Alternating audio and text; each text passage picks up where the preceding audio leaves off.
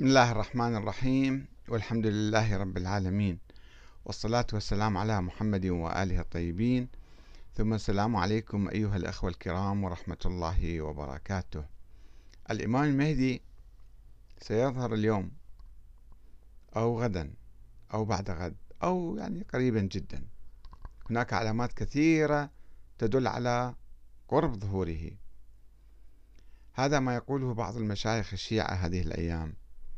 بالذات الشيخ علي الكوراني والشيخ جلال الدين الصغير في العراق وغيره. طبعا كثير من المشايخ دائما يكررون هذه العبارات أنه العلامات كلها موجودة متوفرة. مات الملك الفلاني حدث الحدث الفلاني صار ما صارت معركة هنا معركة هناك. دائما يقولون سوف يظهر هذا الإمام المختبئ منذ 1200 عام. فما هي القصة عبر التاريخ في الحقيقة؟ خلينا نشوف كيف يعني حدثت هذه القصة.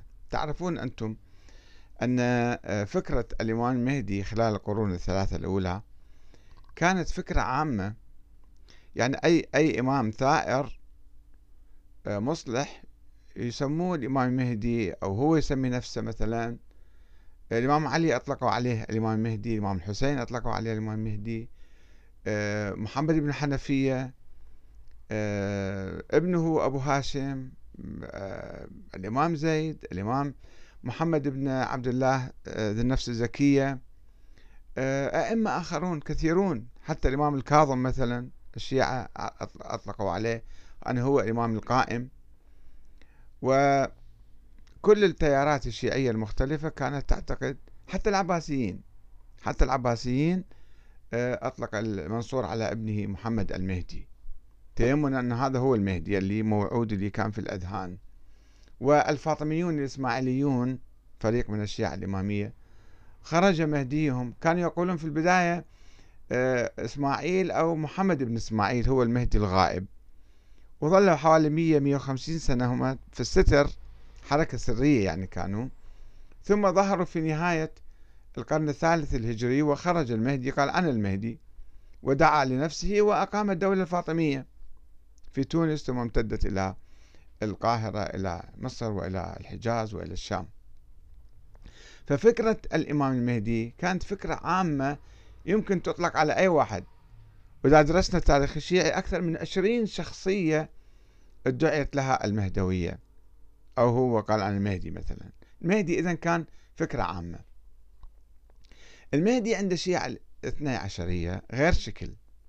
لا أنه هو ولد هو الإمام الثاني عشر محمد بن الحسن العسكري. ولد في السر وما أحد ما لم يعرف أحد بولادته وأبوه غطى عليه وقال أنا ما عندي ولد ونفى ذلك.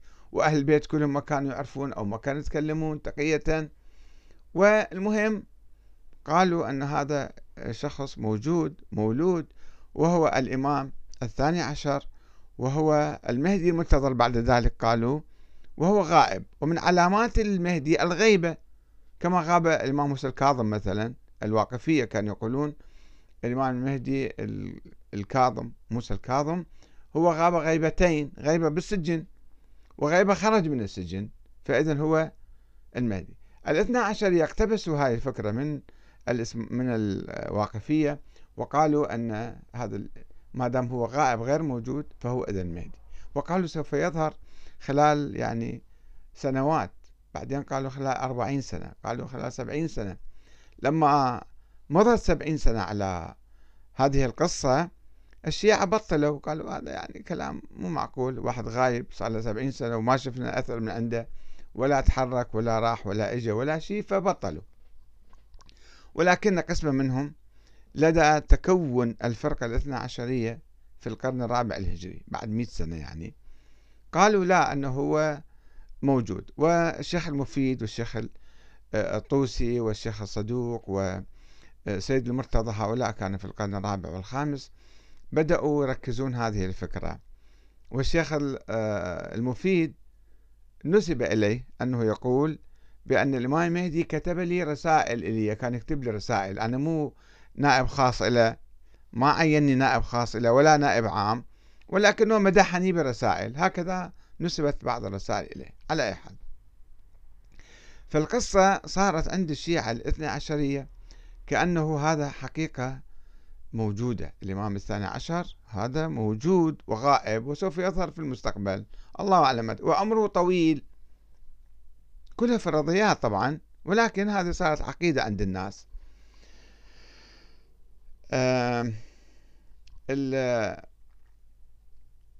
الكاتب ياقوت الحموي عنده كتاب اسمه قاموس البلدان. هذا كان عايش في القرن السابع الهجري. أثناء هجوم المغول على البلاد الإسلامية وهذا هجومهم دام يعني قرن كامل تقريبا. فيذكر قصة يقول عن أهل كاشان. كانوا شيعة هؤلاء كانوا يخرجون آه، فرسا آه، كل يوم جمعة. يخرجون فرس ويطلعون خارج الكاشان خارج كاشان ويدعون الإمام تعال أظهر ويقرؤون هذا الدعاء أمن يجيب المضطر إذا دعاه ويكشف السوء. و يا إمام زمان تعال أظهر إحنا مستعدين جنودك إحنا مستعدين أن يعني نقاتل وياك. في مقابل المغول ولكن لم يظهر. كذلك القصة أيضا تروى ابن بطوطة ينقل آه، آه، قصة عن الحلة أيضا كانوا يفعلون الشيعة في الحلة. بعد ذلك طبعا آه، نفس الشيء كانوا يخرجون فرس ويدعون هذا الشيء. في القرن الثامن في الحقيقة بعد هذا الأيام أواخر المغول كانوا الشيعة في نيسابور أيضا نفس القصة يعتقدون بوجود الإمام وينتظرون خروجه ولا يقومون بأي عمل. بقايا المغول في نيسابور منطقة خراسان يعني آه، كانوا عندهم فرس يسرجوه ويظهرون خارج البلدة يوم كل يوم جمعة ويقرؤون دعاء الندبة. ويا إمام تعال أظهر إحنا مستعدين جنودك وكذا. المغول كانوا يعيثون في الأرض فسادا وكان باقي منهم جنود قلائل في البلدة هذه وكانوا يدخلون في البيوت ويأخذون ما يشاءون ينهبون من, من الناس. مرة واحدة أحد الجنود المغول دخل بيت زعيم الشيعة الشيخ حسن كان اسمه. دخل في البيت وصار ينهب وهذا واقف يتفرج عليه ما يقوم بأي عمل بأي رد فعل. إنا الله وإنا إليه راجعون. ينتظر الإمام المهدي حتى يظهر. فوقعت عين هذا الجندي على زوجة الشيخ حسن. فقال أريد الزوجة أخذها أيضا. المرأة هذه. قال لا ما يصير بعد تأخذ المرأة المهم تقاتلوا فقتل الجندي. إجوا أتباع الجندي حتى يدافعون عنه. هبوا الشيعة هناك. فأقاموا دولة خمسين سنة استمرت اسمها الدولة السربدارية.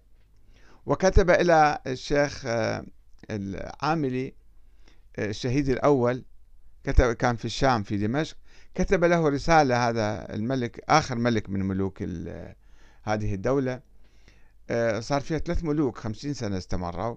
أنه تعال أنت سوي قانون أنه يصير شيخ مالنا مفتي مالنا. فكتب له اللمعة الدمشقية المعروفة الآن تدرس في الحوزات. ثم شرحها تلميذ آخر له للشهيد الثاني آه، الروضة البهية في شرح اللمعة الدمشقية اللي تدرس في كل الحوزات الشيعية الفقه الاستدلالي تقريبا. راحت القصة إلى أن أجت الدولة الصفوية في القرن العاشر. في القرن العاشر آه، أيضا صاروا الناس يبثون دعايات أنه صاحب الزمان راح يظهر. يعني سابقا أيام المغول وأيام القمع والإرهاب والاحتلال كانوا ينتظرون من الإمام أن آه، يعني يظهر حتى ينقذهم. ولكن بعد فترة عندما هم سيطروا وما مع ذلك لم يظهر الإمام. لماذا هو غائب؟ كانوا يقولون يخاف ما عنده جنود. قال الآن عندنا جنود. في الدولة الصفوية دولة استمرت ودولة كبيرة فكانوا يقولون كان هو يقول أنا نائب الإمام إسماعيل الصفوي الذي أسس الدولة. يقول رأيت الإمام في كهف أو في المنام. قصص يعني كانوا يجيبوها. وقال لي أظهر وأقم الدولة. أقيمت الدولة ولم يظهر الإمام. في عهد الشاه الثاني طهماس ابن إسماعيل قام في شخص اسمه الطوسي بحسابات فلكية وتأويل بعض الروايات والأحاديث وكتب مقال وبقوة قال أن الإمام المهدي سوف يظهر في زمن الشاه طهماس.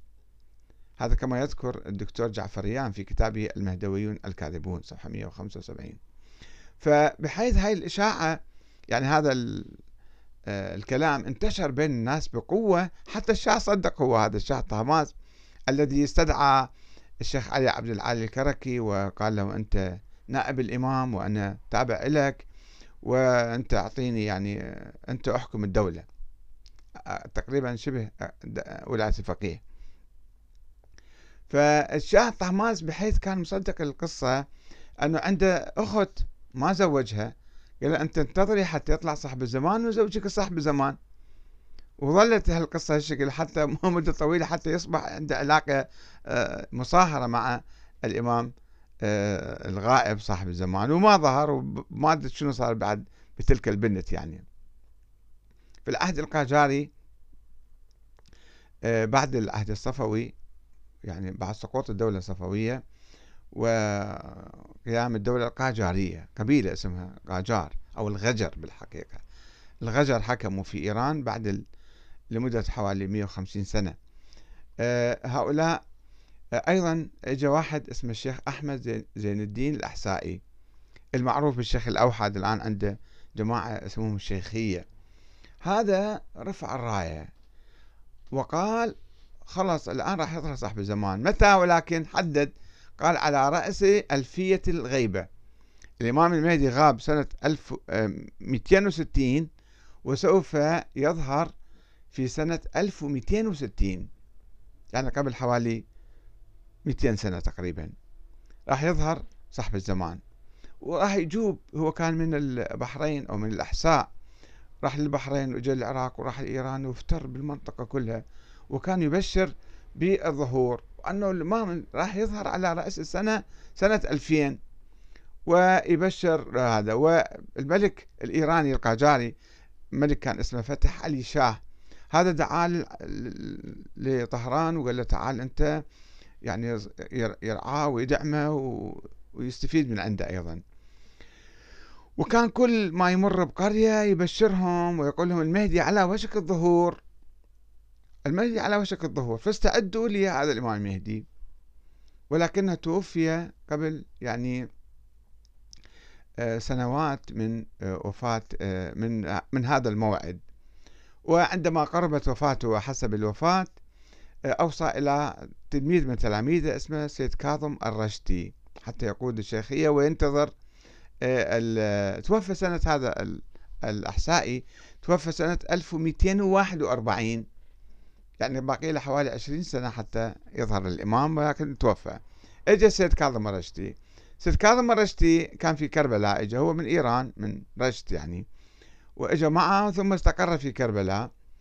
وهذا حمل الراية وصار يبشر أن راح يطلع المهدي راح يطلع المهدي. قريبا على الموعد هذا. و في سنة يعني في تاريخ تسعة ذي الحجة 1259 يعني قبل شهور من موعد غيبة الإمام لأن الإمام الحسن العسكري توفى في شهر ربيع الأول وهو كان في ذي الحجة. بعد ثلاثة أشهر هذا الشيخ سيد كاظم اليزدي توفى. قالوا له زين منو وصيك؟ قال لا أنا ما راح أوصي لأحد. لأنه يعني الإمام راح يظهر بعد عدة شهور بعد موعد كلش قريب. كانوا جدا يعني مقتنعين ومصدقين والناس كلهم يعني بهذه الفكرة أن المهدي سوف يظهر. فعندما جاء الموعد ولم يظهر الإمام لأنه هو أساسا مو مولود ولا موجود فقام أحد تلامذة الشيخ أو السيد كاظم اليزدي اسمه علي بن محمد رضا الشيرازي قال أنا وكيل المهدي في البداية بعدين قال أنا نائب المهدي بعدين قال أنا المهدي حل في لأنه هم كانوا يؤمنون آه، الهيروقلائي يعني آه، المهدي صار له ألف سنة كيف عايش؟ بحالة روحية يعني. المهم قال أنا المهدي ثم أسس الحركة آه، البابية. ثم اتطورت الحركة البابية إلى الديانة البهائية. خرج وصاروا دين جديد. قالوا أن المهدي إذا جاء سوف يأتي بدين جديد. يعني الناس كذا. فأنا الآن إحنا حنجيب دين جديد. وصارت الحركة البهائية أو الدين البهائي اللي موجود حتى اليوم منتشر في مختلف أنحاء العالم. آه هذه قصة. إلى أن صارت الثورة الإسلامية في إيران. كان في حركة اسمها الحركة الحجتية. طبعا ثورة إيران آه الثورة الإسلامية في إيران سنة 79 هي ثورة مو على الشاه فقط وعلى النظام السياسي إنما ثورة في الفكر الشيعي على الفكر الإمامي وعلى نظرية الانتظار. لأن نظرية الإمامة تقول بأن الحاكم الرئيس يجب أن يكون معصوما ومعينا من قبل الله. هاي في الشغلة مثالية جدا وخيالية. فإذا إذا أقمنا ثورة الآن وأقمنا حكومة والحاكم والقائد هو فقيه مثلا أو إنسان عادي ليس معصوما ولا معينا من قبل الله فإذا كانت ثورة. مع ذلك كان هناك حركة اسمها الحجتية تعمل في إيران لمكافحة البهائية. خلال أيام الشاه من خمسين سنة مئة سنة يعني من قبل. فهذه الحركة قالت ماذا نفعل؟ نحن كنا ننتظر الإمام يخرج. فطرحوا هذا الشعار. كانوا يرددونه إلهي إلهي احفظ لنا الخميني حتى ظهور المهدي. وكانوا يقولون أن الإمام المهدي سوف يسلم الراية إلى صاحب الزمان. لأنه راح يظهر بعد ما في داعي للاختباء وعنده جماهير بالملايين. ينتظروه ويأيدوه ويحبوه ويدعوا له. فلماذا لا يظهر؟ وقاموا بالاحتفالات في مولد الإمام المهدي المذكور يعني في 15 شعبان. أقاموا احتفالات هائلة جدا ولا يزالون يحتفلون. ويقولون الإمام المهدي سوف يظهر. إجا أحمد نجاد. إجا أحمد نجاد طور الشغلة أكثر. كان من ينتمي لهذا الخط الحجتية أو خط المحافظين. وقال كان راح إلى الأمم المتحدة آه، وإجا يتحدث عن رحلته إلى الجمعية العامة للأمم المتحدة وأنه رأى نور والإمام مهدي كان يدعمه وكان يحكي قصص كثيرة. وحتى الشيخ جنتي رئيس المجلس صيانة الدستور أيضا كان يأيده. وقال له أنه أنا أتلقى يعني إلهامات سماوية ويجيب قصص كثيرة حتى ينقل عنه أنه كان يحط صحن فارغ لما يأكل آه هذا للإمام المهدي حتى يجي يأكل معه مثلا. فهذه القصص كان دائما تتطور وقرب الظهور وقرب الظهور. والآن عندما حدثت الانتفاضة العربية يعني الربيع العربي أيضا بعض المسؤولين الإيرانيين آه، قالوا هذه علامة من علامات الظهور موت فلان ملك علامة الظهور. وهناك بعض المشايخ مثل ما تعرفوهم يعني إذا تتابعون شيخ علي الكوراني الشيخ جلال الصغير وغيرهم دائما يفسرون الأحداث كل حدث يقع وهذا علامة من علامات الظهور. ويكتبون وينشرون و ورغم أنهم عندهم حديث مشهور أنه آه، لعن الوقاتون لا توقتون ولكن هم يقولون كلها علائم على قرب الظهور. والحقيقة كلها علائم. وهمية والاعتقاد بوجود هذا الإنسان الغائب صار له 1200 سنة هذا من الوهم ومن الفرضيات الوهمية. المهم نحن ناخذ الفكرة القديمة التي كانت شائعة. الإمام المهدي يعني الحاكم العادل يعني النظام العادل يعني كل إنسان بإمكانه يصبح هو مهديا كل إنسان. وكل حاكم يمكن أن يكون حاكما مهديا إذا عدل بين الناس وحافظ على الحقوق وعلى الدستور والحريات والديمقراطية ويصبح حاكما عادلا مهديا ويقيم نظاما عادلا نظاما مهديا نظام العدل في المجتمع. إذا أقمنا نظام العدل مؤسسات آه، ترعى حقوق الفقراء والمساكين وتسير البلد بصورة صحيحة فهذا يعني أن الحاكم أصبح مهديا. كل واحد منا يجب أن يكون مهديا. كل إنسان يجب أن يكون مهديا. حتى ننتخب الحاكم المهدي ونقيم نظام العدل الإلهي في الأرض. أما إذا بقينا ننتظر أوهام ولا لا نقوم بأي حركة ولا أي عمل وبالتالي سوف نتناقض مع هاي الفكرة الرئيسية الفكرة الإيجابية نحولها إلى فكرة سلبية مخدرة للناس. آه، فلذلك آه، لا يجوز أن ننتظر واحد يأتي من الغيب لأنه لا يوجد أحد بعد النبي محمد صلى الله عليه وآله وسلم. النبي خاتم الأنبياء والرسل ولا يوجد بعده أي واحد مرتبط بالسماء أو يتلقى الوحي أو تنزل عليه الملائكة أو يتلقى أوامر من الله حتى يخرج أو عمره طويل 1200 سنة مليون سنة يمكن. هذا كله كلام في كلام. لا دليل عليه.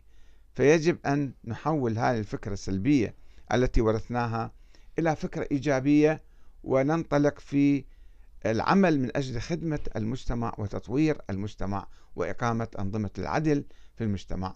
والسلام عليكم ورحمة الله وبركاته.